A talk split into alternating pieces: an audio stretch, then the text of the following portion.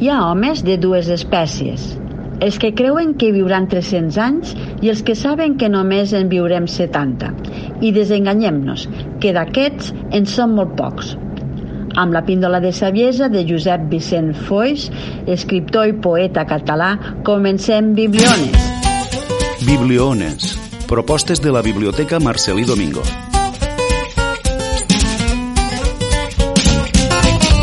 Hola, molt bon dia. Donem el tret de sortida una vegada més al programa Bibliones, un espai presentat i conduït per Irene Prades, directora de la Biblioteca Marcelí Domingo de Tortosa, amb la col·laboració de tot l'equip i a l'altre costat ens acompanya una vegada més Javi Falcó. I recordeu que ens podeu trobar a Radio Tortosa pel dial 103.3 FM tots els dijous a les 12 repetim el programa a les 10 de la nit i el dissabte a les 12 del matí.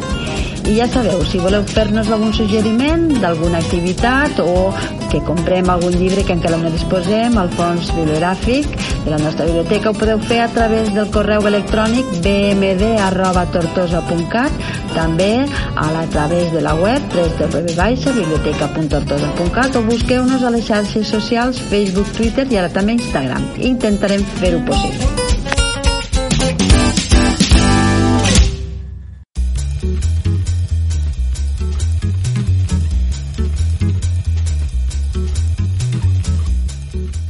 El dilluns 21 de març, la biblioteca s'omplirà de poemes amb les activitats que s'han organitzat per celebrar el Dia Mundial de la Poesia. A partir de les 16.30 hi haurà un passi de lectura de poemes en diferents llengües per Gabriel Ferrater a càrrec de l'alumnat del Consorci Normalització Lingüística de les Terres de l'Ebre i després a les 18 hores hi haurà un recital de poesies de llengües de Martí i Pol a càrrec de Llengua Ferits per a públic adult.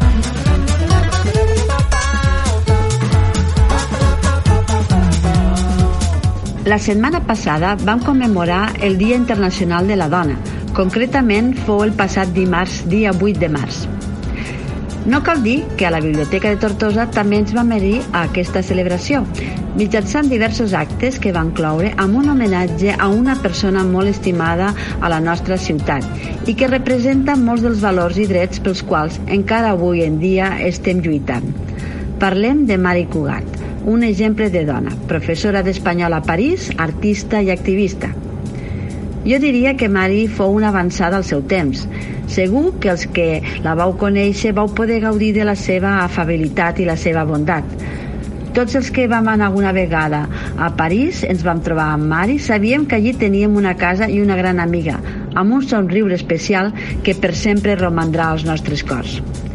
Bé, avui al programa Bibliones us oferirem l'acte complet d'homenatge a aquesta gran dona que és Mari Cugat. Soc Noel Luna d'Amposta. Uh, és un plaer avui poder obrir este homenatge a Maria Cugat. Per a començar, portem, hem preparat una cançó especialment per avui. És una cançó que se'm va demanar si podia fer alguna cosa en francès, degut a la connexió que tenia ella en, en, en França, concretament a la seva capital. I bé, eh, fent una mica honra a el que jo solc fer, que és, a part de cançons eh, escrites per mi mateix, musicalitzo també poesies, havia pensat que just en aquesta setmana en la que estem, dins del marc del, del 8M i tot això, eh, havia pensat de, per què no, portar una cançó nova, pròpia, que he composat especialment per avui, espero que us agrade, i és d'una autora de francesa de, que va néixer a finals del segle XIX i va morir als, als anys 60 i és una autora de la que no he trobat material traduït. Malauradament penso que els seus homònims masculins sí que el, sí que en tenen Bé, sense més dilació us presentaré aquesta cançó que es titula Eige Cusé jo, eh, poesia no? narra la història de per a qui no sàpiga francès com ara jo narra la història de bueno, un, un, encontre, un, encontre una trobada íntima anem a dir anem a veure com diu Magui, Noel Vaja, m'ho he deixat, era una dada important Sí, m'ho he deixat. Que penso més ràpid del que parlo. La vaig conèixer i, bueno, me vaig interessar, eh, francament, per el nom, perquè vaig veure novel·la i dic, a veure, i té una obra molt, molt xula i molt prolífica, a més. i com a curiositat se diu Magui Buget però se li va morir un germanet petit el dia de Nadal i li va posar Noel en els dos puntets a la E cosa que jo no tinc que significa Nadal en francès no? anem a veure com diu la cançó i el ritme George Brassens eh?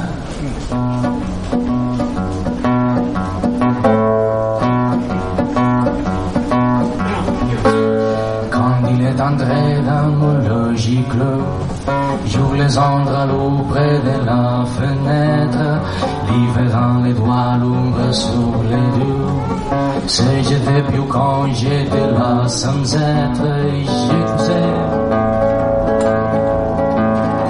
J'écoutais Encore qu'est-ce que tu faisais?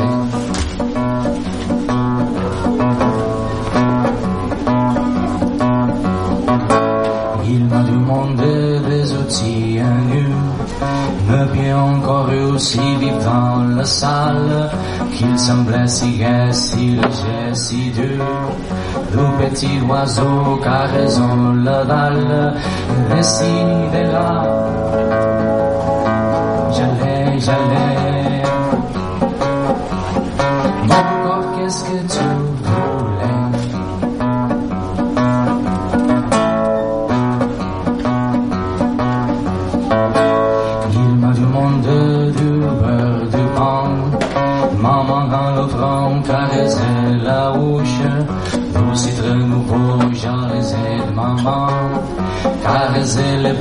la table, la couche.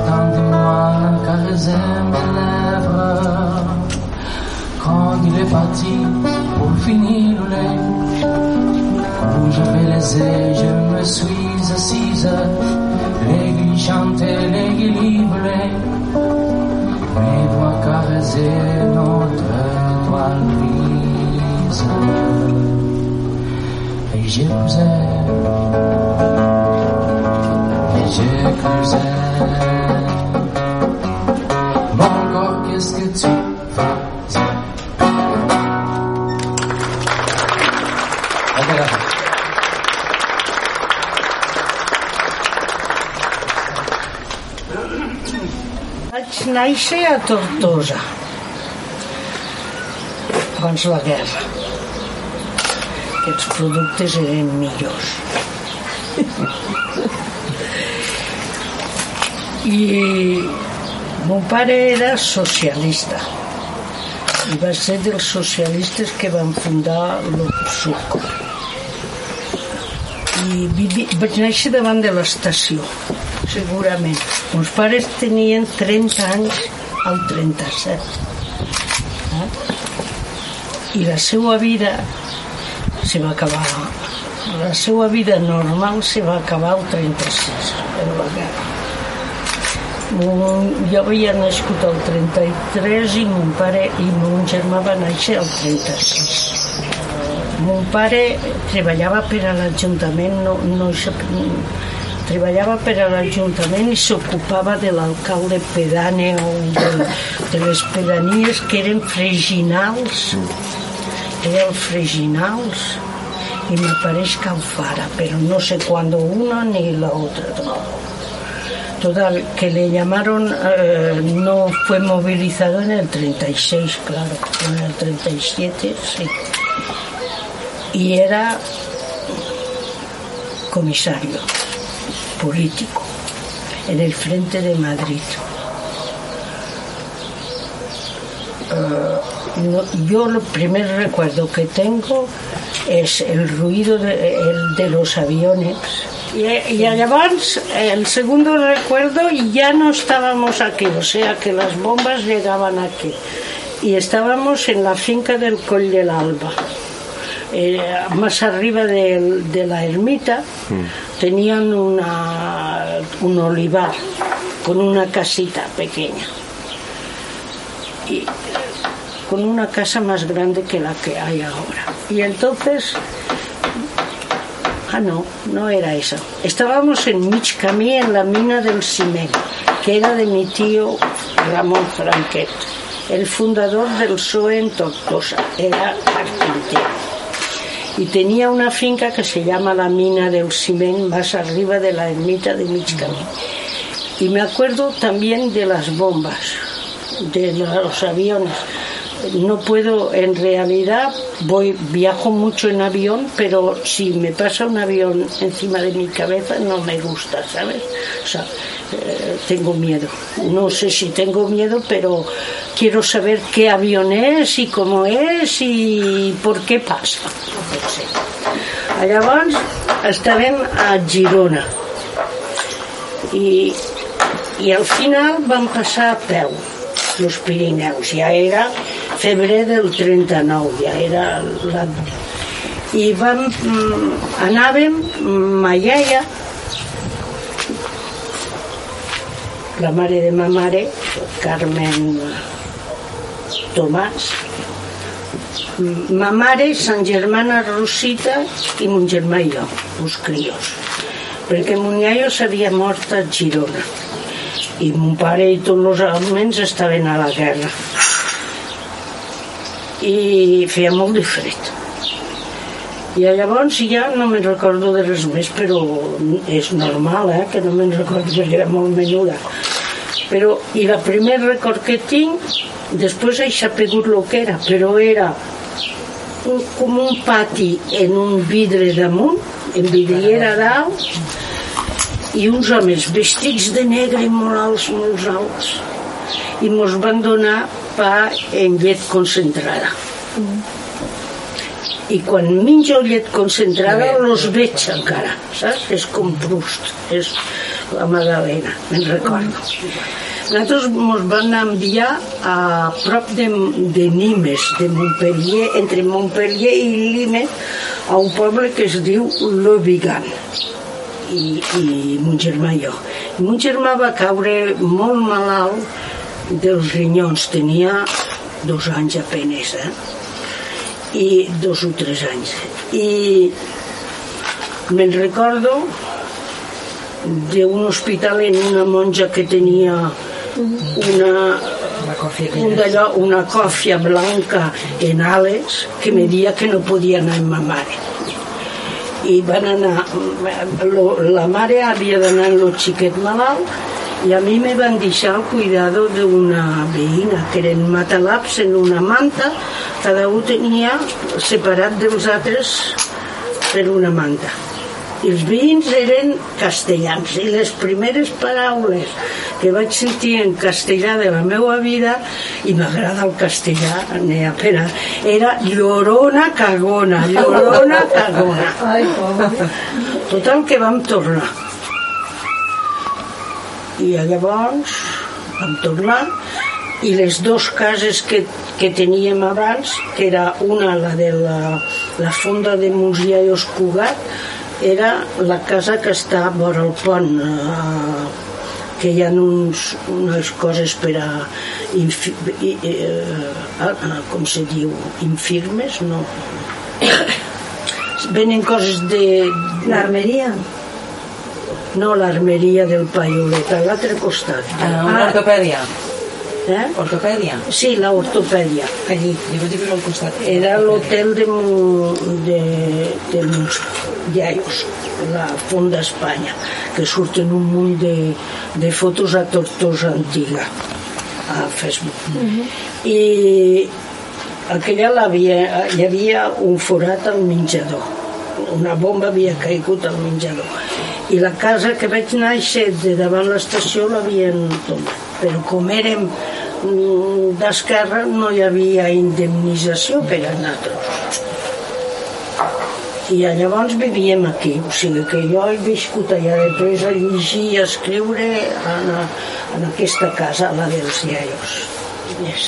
llavors vaig anar a les Teresianes perquè mon tio Pepito, el metge Franquet, tenia matrícula, curava a les teresianes, les cuidava. I una vegada mm, una persona que coneixíem va sentir que les monges baixaven i una dia de l'altra és un santo no cree en Dios però és un santo i, i llavors jo anava a les teresianes i a les teresianes sabien que jo no era eh, que era filla de ateos. De ateos se diu en català? sí, sí. i me preguntaven tots els dilluns de matí com anava vestit el capellà a missa. I jo no ho sabia. I llavors me ficaven un lletrero no ha ido a missa. I llavors havien, me passejaven jo me'n recordo que plorava però que la monja m'estirava.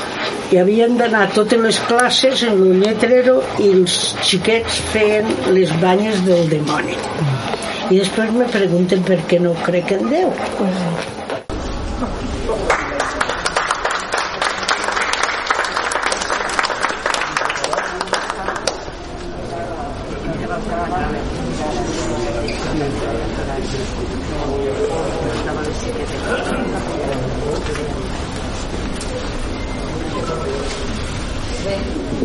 Se sent, no? Bona tarda, amics i amigues, senyor regidor de Cultura, Enric Roig, benvingut, senyor eh, Fernando Saporta, també regidor de l'Ajuntament de Tortosa. A tots i totes, amics i amigues, que us heu emocionat segurament, i us ha caigut alguna llagrimeta, he vist alguns, quan heu sentit les paraules de Mari. Bé, he de dir que aquesta setmana hem commemorat, ja sabeu, el Dia Internacional de la Dona, concretament el passat dimarts, dia 8 eh, de març, i no cal dir que la Biblioteca de Tortosa també hem volgut adherir-nos en aquesta commemoració, celebració. Mitjançant diversos actes, hem fet eh, un, un de lectura de llibres que parlen de dones, i avui doncs, concloem aquest acte amb un homenatge a una persona molt estimada a la nostra ciutat i que representa molts valors i drets pels quals encara avui estem lluitant. Jo diria que Mari era una avançada en el seu temps. Segur que els que la coneixíeu vau poder gaudir de la seva afabilitat i la seva bondat. Tots els que hem anat alguna vegada a París i ens hem trobat a Mari sabíem que allí teníem una casa aquest sí i una gran amiga, amiga amb un somriure que, especial que quedarà per sempre i romandrà als nostres cors eh, veig que algú de vosaltres ha portat algun mocador eh, eh, fet per ella bueno, pues, sí. si algú també m'ha dit Jaume que té una corbata i molts de nosaltres tenim sí, sí, jo també tinc un mocador molts de nosaltres tenim records d'ella i bueno, eh, avui és un dia especial i només vull agrair-vos per estar aquí. Així que continuem amb aquest acte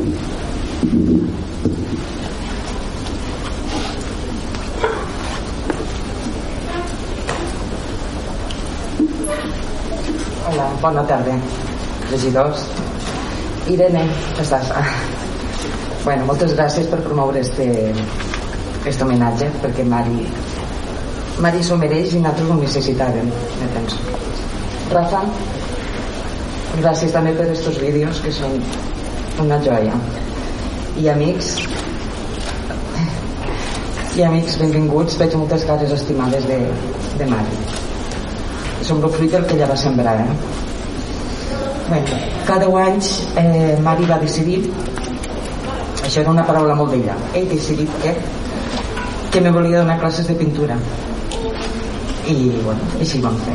Va traslladar el seu bueno, permeteu-me dir que presumir una mica dient que vaig ser la seva última alumna. Va portar tot el seu taller a casa meva i allí pues, pintàvem mano a mano després de, de la classe venia el sofà, la tertúlia els projectes i vam crear un vincle molt, molt fort ella i jo. I casa nostra va ser la casa de Mari els últims anys que, que va vindre a Tortosa. Una altra paraula que, una altra cosa que dia molt ella, que feia molta gràcia quan feia alguna trastada, sobretot perquè era Mari era Mari dia, soc lo colmo i penso que sí, que Mari era lo colmo de generositat. Mm, resumir una mica tota la vida d'ella és bueno, aquí estaríem moltes hores i suposo que vosaltres que un rato també voldreu dir alguna cosa. Eh, jo he trobat una cosa bueno, sabeu que ella té un blog el blog de Mari Riu de si de là aquí i allà.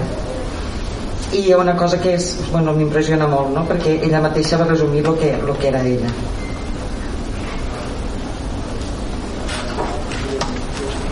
diu guerra, absència del pare exili, llunyà l'amor pèrdua de fill de la possibilitat de tenir-ne pèrdua. Hauria pogut morir al 38 sota les bombes de la batalla de l'Ebre al 39 de fred als Pirineus al 65 d'un tumor de disgust i tristesa milers de vegades. Convulsions del destí i sempre he dit què farem? si no puc això, faré això altre i sempre he sortit del pas més forta amb més o amb altres possibilitats. Fer front i lluitar no hi ha més. Sobretot mai parar de fer. Una no es pot quedar asseguda una mà sobre l'altra esperant la mort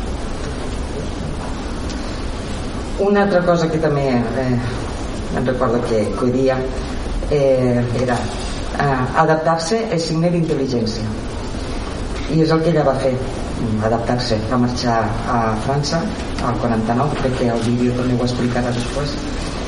I no va poder tornar aquí a Tortosa hasta el 58 o sigui va marxar en 16 anys i ella va tornar aquí en tenia 25 perquè segur que no no els deixaven no, fins al 58 no els hi van poder fer un passaport no els van poder fer el passaport.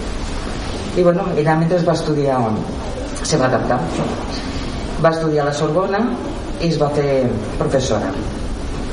Primer al prestigiós institut ara me perdonareu perquè l'únic que no va aconseguir Maria de mi va ser que aprengués francès mira que m'ho dia però jo soc nula bueno, al prestigiós institut parisenc Jules Fegui.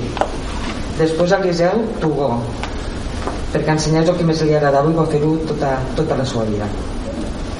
Llavors tenim també un, un, un testimoni d'una amiga d'ella perquè la, la part d'ella d'allà diguéssim jo per almenys la més desconeguda per a, per a tot potser no? la seva vida professional i, i tot el que feia allà eh, mos explica que Mari mm, no es va rendir mai davant dels alumnes i que sabia ajudar als que perdien la confiança i que va tenir un protagonisme tant en l'educació com a través del seu paper de sindicalista i de dona compromesa i intransigent davant tots els problemes del post-68 que el seu sentit de l'anàlisi i el seu dinamisme la va convertir en un element important a les tertúlies. Bueno, això ho he traduït.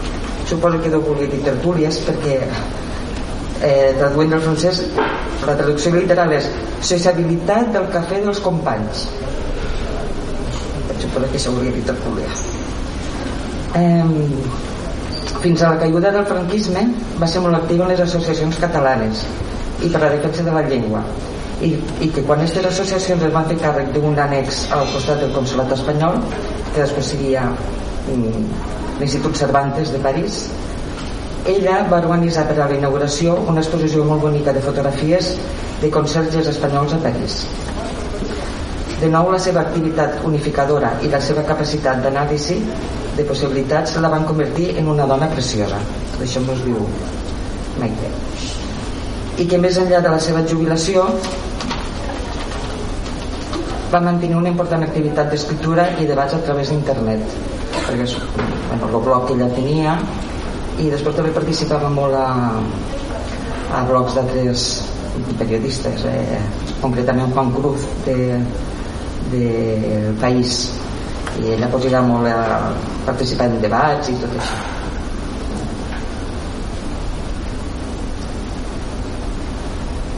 bueno, també el que ja seu, no? de que tenia eh, un, gust, un, un profund gust i coneixement de la pintura i ja va ser a partir de la, de la jubilació que se va dedicar a pintar sobre seda i a l'activisme de la plataforma no sé si ha pogut vindre no vingut, no? senyor Parissero també recordo que, que me va dir que quan estava a la plataforma se va comprometre a pintar 100 mocadors sobre seda per a vendre'ls després a, a, la, a la plataforma i res la, ella no va parar mai d'aprendre i d'ensenyar. I ja per acabar i, i enllaçar una mica en el vídeo que vindrà ara també eh, hi ha un article al seu blog que parla del, del dia 8 de març, el dia de la dona i ella explica que fins l'any 50 quan feia uns mesos que havia arribat a París no sabia el que era això no, va arribar son pare a casa en uns rams de flors i els va explicar ella i a sa mare de el que se celebrava i per què no? i claro, l'any 50 ja venia de l'Espanya franquista i no, se va sorprendre no, de que se celebrés el Dia de la Dona a, arreu del món i acabo dient això que, que ella també havia escrit al blog no? I no és celebrant el 8 de març que la condició femenina ha avançat sinó lluitant i prenent part amb les nostres reivindicacions en la lluita de tots colze a colze més o menys això és molt compactadet Mari.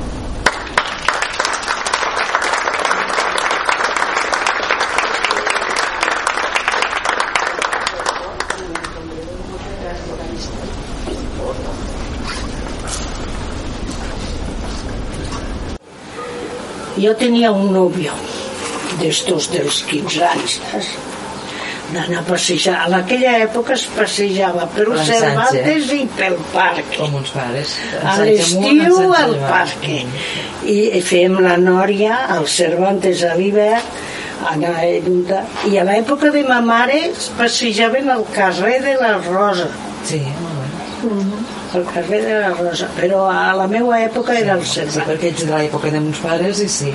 I era amunt i avall tot lo, tot lo Sí, una nòria, no anàvem al cafè, no teníem ni un duro, no podíem anar a molts de puestos, però era una tra era tradició, era, era tradició i, i ja parlava francesca. Després va, mm, va tindre, quan se'n va anar al 43, que va passar per la vida sua, encara era la guerra, i va entrar a la resistència francesa, perquè genio i figura està a la sepultura, no? I, i, i va perdre una cama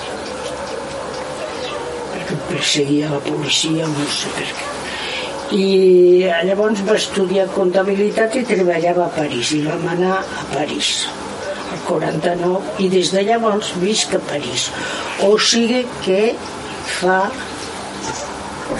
60 al setembre farà 62 anys o 63 63 anys sí. Uh, jo volia ser professora, això sí que és important, perquè sóc professora en l'ànima. Uh, els, boig, la, la vocació, però no de capellà, me ve del senyor Pena a l'Institut de Tortosa. I, ara, I el senyor Pena ens explicava història i jo vaig pensar, ai, jo vull ser com aquest home, vull ser com aquest home, jo vull ser com aquest home, vull ser professora. Me castigava perquè jo era un dimoni. Bueno, me ve de naixement, però, però també me ajudaven perquè com igual me castigaven, si, si feia soroll tota una classe me castigaven a mi perquè era la filla del rojo. Ho entens? Sí, sí. i com era la filla del rojo pues jo que em castiguessin com no m'ha agradat mai la injustícia ma mare sempre dia que que a mi, me, a mi era molt fàcil. Si me castigava i tenia raó de castigar-me jo no dia res però que si me castigava jo no ho havia fet si jugaven cadiretes saps? pues igual a la classe pues igual m'havien de castigar. I tenia eh, a la classe tenia un, dos amics tan dimonis com jo un era Antonio Mateu lo que era amo de la inglesa i l'altre era López González lo fill del capità de la Guàrdia Civil i després quan tenia alumnos a París perquè vaig ser professora eh, me diuen i com ho sap vostè que jo feia això? I jo pensava, ai, si ho sapiguessis com ho sé. Però és fàcil, tots els crios se semblen a qualsevol país del món. I, no podia ser professora d'història. Vaig anar a la professora de filosofia i li vaig demanar consell perquè trobava que era bona professora i li vaig dir jo vull ser professora però no sé si ser professora de física i química o d'espanyol i la professora esta en vez d'aconsellar-me o de no aconsellar-me me va dir d'espanyol si era més fàcil per a vostè. I vaig fer, me'n vaig anar a lletres, me'n vaig anar a filosofia i lletres i vaig fer d'espanyol però en realitat va anar bé perquè vaig fer història d'Espanya i, i, i llengua i literatura el que en realitat m'agradava més però jo també era bona alumna de física i química i de matemàtiques menys de matemàtiques però i, i n'hagués tingut que fer moltes o sigui que no, no me n'arrepentixo però quan no, perquè vaig tindre dificultats per a ser francesa. Ara estem a Europa i poden ser els espanyols se poden presentar a les oposicions d'allà però a la meva època s'havia de ser francès. I no m'ho donaven perquè les dones no creen família francesa. Ho van fer francès amb un germà en seguida però a mi vaig tardar bastant i, i bastant, bastant i llavors Però com que les dones no creen família francesa? eh? perquè el, Perquè un si home, un home les francès- dones espanyoles van tindre dret de vot a la república Sí. però les franceses fins al 47 no en van tindre eh? i les dones es- franceses perden el nom quan se Se casen sí. ho entens? Però o sigui que un home va a la guerra ells diuen fundar una família francesa però a més va a la guerra a la d'Argèlia o a la que sigui no? i en Sí, aquella època hi havia mil Eren patriotes, diguéssim. Eh, eh, ho entens? I les dones fan fills, però és tot. Eh, o sigui que me van dir, la policia me va dir de casar-me amb un francès, eh? I jo estava a punt de casar-me i no em vaig casar, perquè no, perquè sóc així.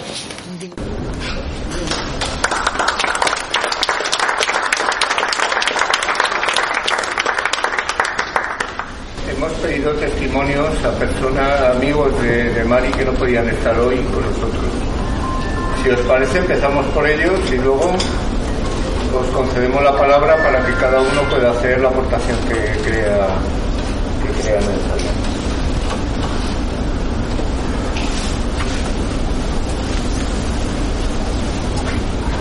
Hola amigos y amigas de Marie.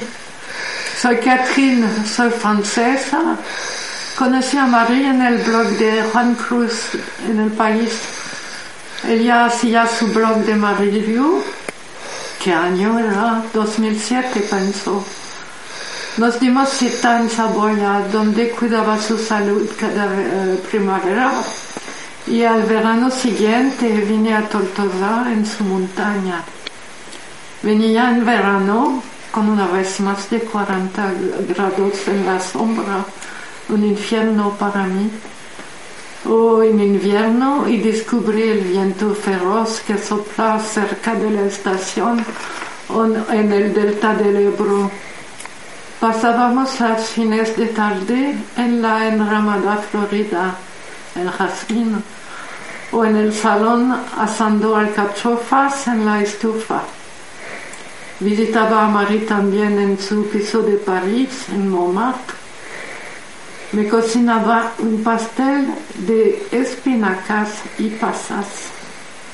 La paella la hacía en Tortosa con arroz del delta, los mosquitos de los arrozales, Dios mío, o en el jardín de mi casa de Grenoble, donde dibujaba por las mañanas. De las montañas mías volvía con fotos de arroyos que pintaba sobre seda como cuesto. Tengo tantos recuerdos, las historias de sus antepasados y la historia de España, el arte, los viajes, su don de relacionarse fácilmente con todos. Debo elegir uno, uno divertido. Podríamos visitar el taller de cachorros de barro de Miravet. Del Paz de Barca, un amigo alsaciano dejó caer al río las llaves del coche. Mari y yo estábamos en una ribera con el coche. En la ribera otra opuesta, el alsaciano tosudo en calzoncillos quería pescar las llaves en las aguas turbias y profundas del Ebro. El primo de Marie llevó otras llaves, comimos juntos, entre risas como siempre con Marie, porque bien está lo que bien acabar. Sí, yo también debo acabar con el recuerdo de los amigos de Marie. Joaquín, que cuidaba el jardín y tomaba el café cada tarde, hablaba masticando un cigarrillo. Y a pesar de todo, yo después de algunos días entendía casi todo en catalán. Un otro Joaquín y Alicia, porque Marie tenía amigos de todas las edades.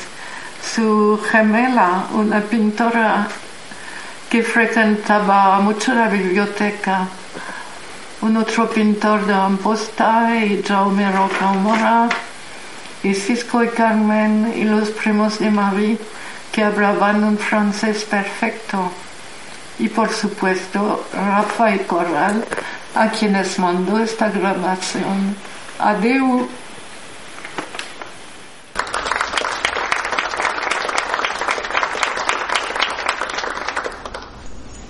Bona tarda a tothom.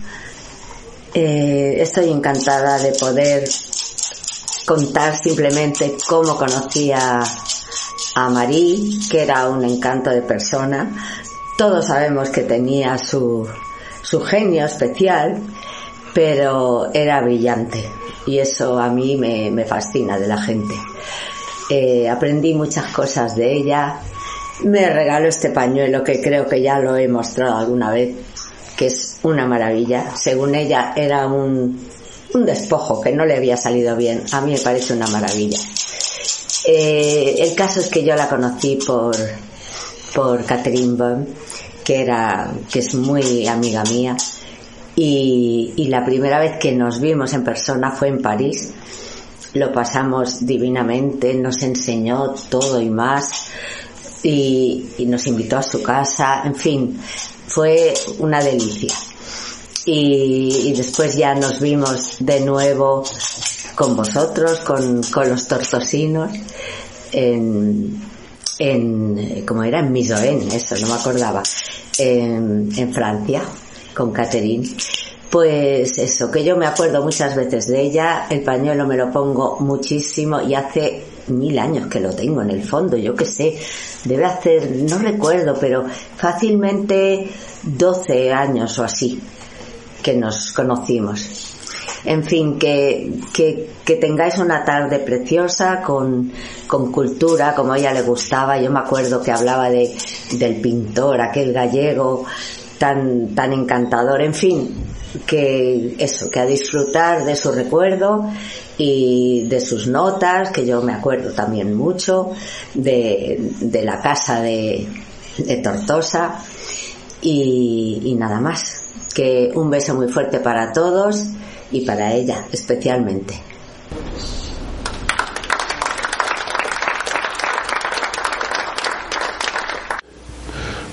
Avui tinc la sort de parlar de Mari Cugat. Mari Cugat, una persona que vaig conèixer a principis dels anys 70 en motiu de, del meu casament en, en Anna i vam decidir que el nostre viatge eh, diguéssim seria a París. Ella eh, ens va esperar i ens va mm, acollir a casa seva. Mari, quan vam arribar, la primera sorpresa que vam tindre és que arribar a casa d'ella era com si no haguéssim sortit de Tortosa perquè el seu apartament d'Avés tenia l'olor, tenia les plantes, tenia els llibres, tenia... Era un,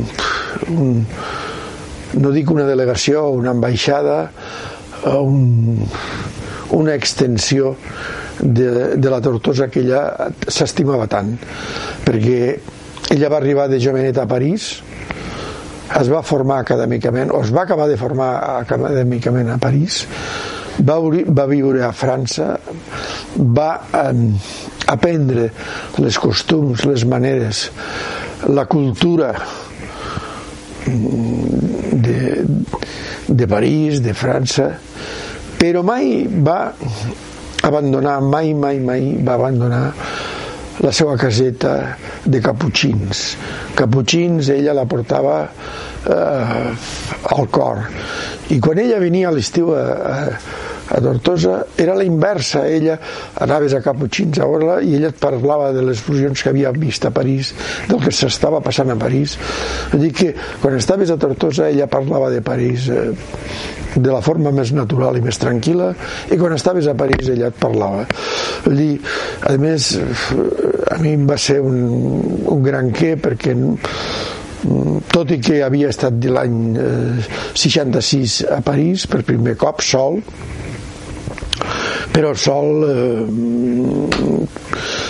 després l'any 71 ella d'alguna forma em va acabar de diguéssim de formar d'obrir les portes, d'obrir la finestra del que suposava la cultura, els museus.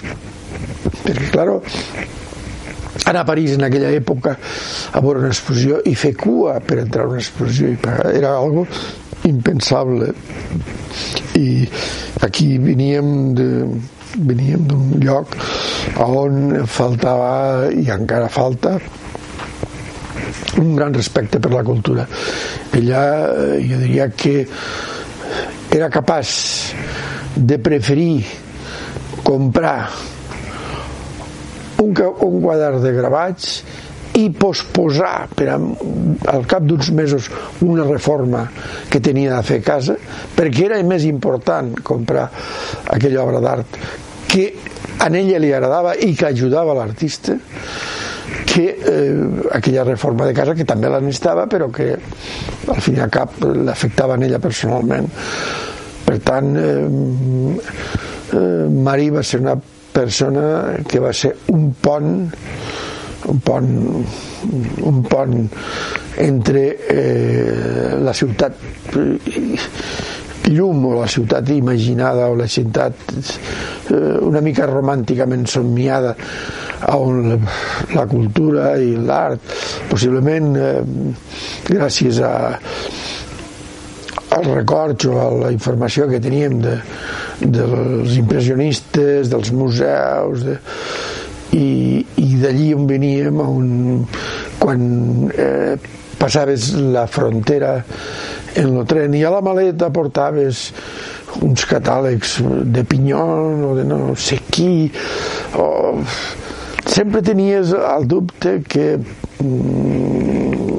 al passar i a Espanya et podien regir la, la, la maleta i i observar-te que allò possiblement eh, no era no tocava portar-ho. I, i en canvi a, a París era un aspecte de llibertat i no vull dir que mm, però i, i Mari la, la, la gran ambaixadora que, que va ajudar i que, i que ens ha acompanyat fins l'últim dia del, del seu traspàs i que encara avui quan es fa, se fa d'estiu i hi ha alguna tarda una mica trista que Anna i jo pensem i esta tarda què podríem fer?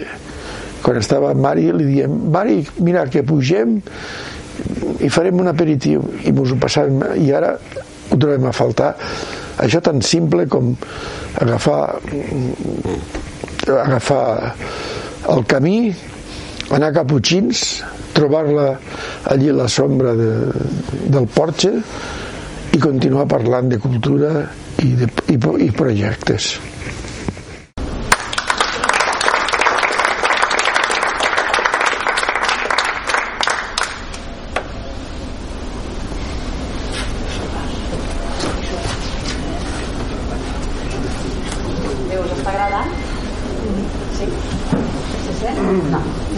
Bé, ara a continuació dels testimonis que han vist en vídeo hi haurà testimonis presencials la Cristina Bell, també amiga de Mari Cugat ens dirà unes paraules. A continuació si hi ha algú més que vol parlar-ne.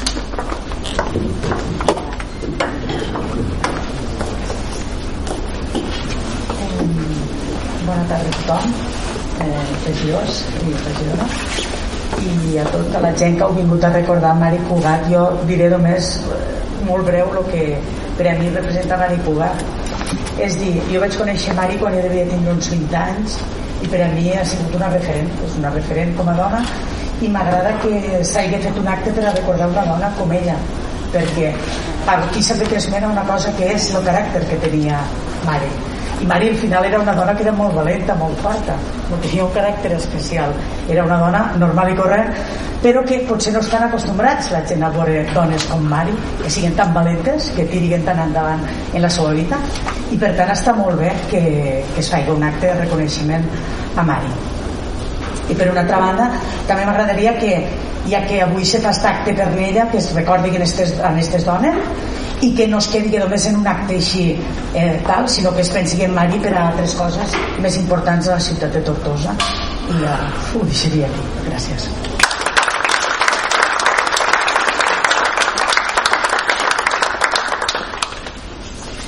Yo lo que más echo de menos de Mari es su sonrisa. A mí me encanta hacer reír a la gente y con ella me lo pasaba en grande. Le estaba pinchando siempre porque ella me respondía y tenemos una foto que nos estamos mirando los dos riéndonos y me encanta. Yo también me acuerdo que cuando cuando muchos días estaba Mari en Tortosa y iba a comprar o iba al mercadillo, cuando volvía hacia casa, eh, paraba en el hostal Virginia, se sentaba al lado de la ventana en una, de las mesas que había y me llamaba por teléfono. Yo entonces trabajaba, tenía la oficina muy cerca, me acercaba con ella y hablábamos un montón de cosas, hablábamos de política, de- del ayuntamiento, de- de un montón de cosas, incluso de nosotros, de proyectos, de cosas que íbamos a hacer. Y siempre, pues al final terminamos con sonrisa, luego la llevaba a casa y le decía, esas escaleras que tienes en casa no me gustan nada. Un día, Dios no quiera que te pase algo. Luego me enteré que su madre había, había fallecido por una caída y tal. Mm, a ver, nosotros la echamos de menos, porque para nosotros, por ejemplo, para mí, era algo más que una amiga, era, digamos, una familiar que podía ser como una tía que, que tuvieras ahí, porque siempre estaba, siempre podíamos hablar con ella, siempre nos la, la acompañábamos, nos íbamos a un sitio, nos íbamos a otro, junto con Joaquín y con Alicia, con con mi mujer, hemos ido muchas veces a verla a París cuando estaba ahí. Nos, yo me, bueno, y a otros sitios, pero yo me acuerdo del recorrido que nos hizo por los castillos de Loira, ¿verdad? Que, que- que- que estábamos alucinando. Además tuve yo una caída y me acompañó al hospital y dije yo, Dios mío, una pequeña caída, un corte que me hizo una pierna. Y, y decía, si no hubiera venido con esta señora que habla francés, ¿qué hubiera sido de mí? y tal. Bueno, pues eso, que yo me acuerdo mucho de Mari y creo que los que la apreciamos y los que la queremos la llevamos siempre en el corazón. Y esto que hemos hecho hoy, que hemos intentado hacer, es porque la recordamos y porque la queremos reivindicar como lo que es una mujer luchadora, cabezona, ¿eh? porque era cabezona, sensata e inteligente. Y nada más. Gracias por venir. Los que quieran, aquí tenemos-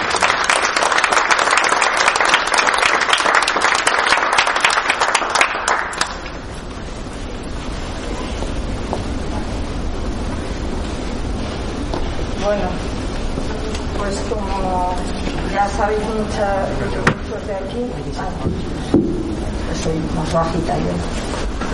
Pues eso, nosotros conocimos a Mari en 2012 eh, por medio de Joaquín y Alicia y eh, ellos la conocieron en París en enero y ella venía dos veces al año aquí y cuando vino en febrero pues ya bueno la conocimos y ya éramos un par ¿no?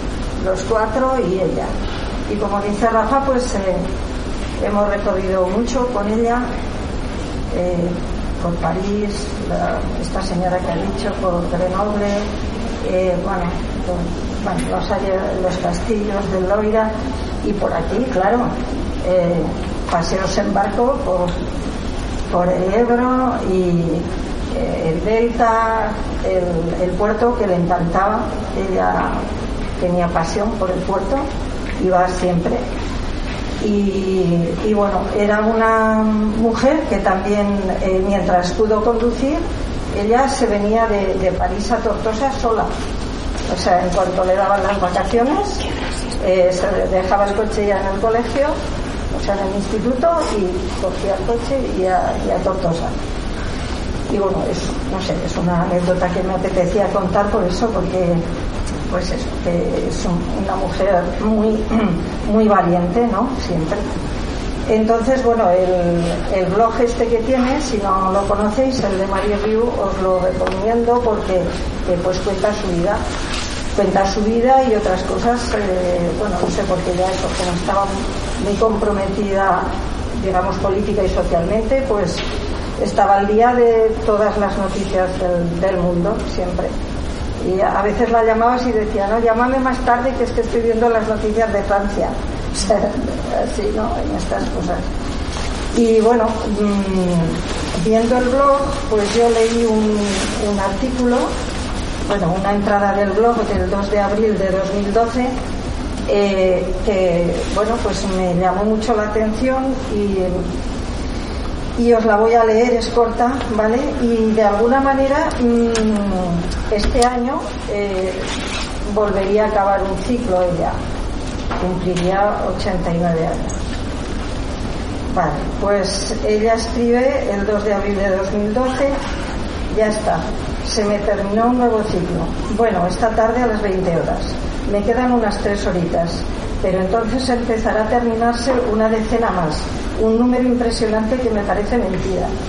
¿Con qué pase el tiempo? Apenas si me acuerdo, no por Alzheimer, pero la vida está hecha de tantas nimiedades y tantas cosas parecen nimias, nimias perdón, al cabo de los años. En realidad, en realidad ni eso parecen, se olvidan, eso es todo. Tengo una amiga que dice ya no tener nada que aprender, un horror. A mí solo me interesa lo que me queda por aprender, por hacer, por ver. Me apasionan el presente y el futuro. El pasado, una vez acontecido, atrás se queda. ¿Qué pasará mañana? En el mejor de los casos, ¿qué pasará hoy? Es lo que me interesa. Y tengo miedo, porque mi historia personal ya cuenta poco, pero la colectiva está llena de peligros. Ya sé que se las arreglará muy bien sin mí, pero si supieran, no saben lo que está escondido y amenaza. Total, quisiera servir para algo. Eh, mirando el año 2012, la verdad es que empezó muy mal. empezó con muchas guerras, muchos atentados. Bueno, también hubo Juegos Olímpicos de invierno y alguna cosa bonita, ¿no? Y entonces a, mí personalmente me, me daba que pensar que ella estaba preocupada por todo lo que estaba pasando en el mundo y que a ella le hubiera gustado seguir mucho tiempo para poder seguir haciendo cosas. Y nada más.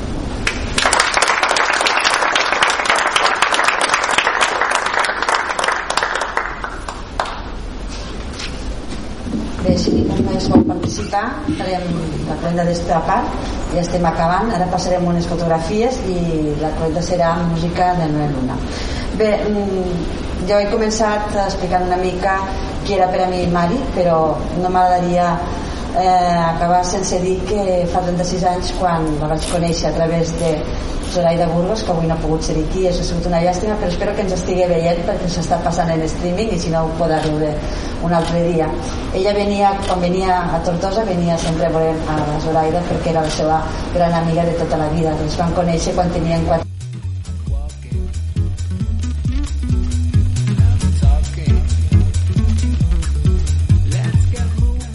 I això és tot per avui. Esperem que us hagi agradat el programa i us saludem fins la setmana que ve.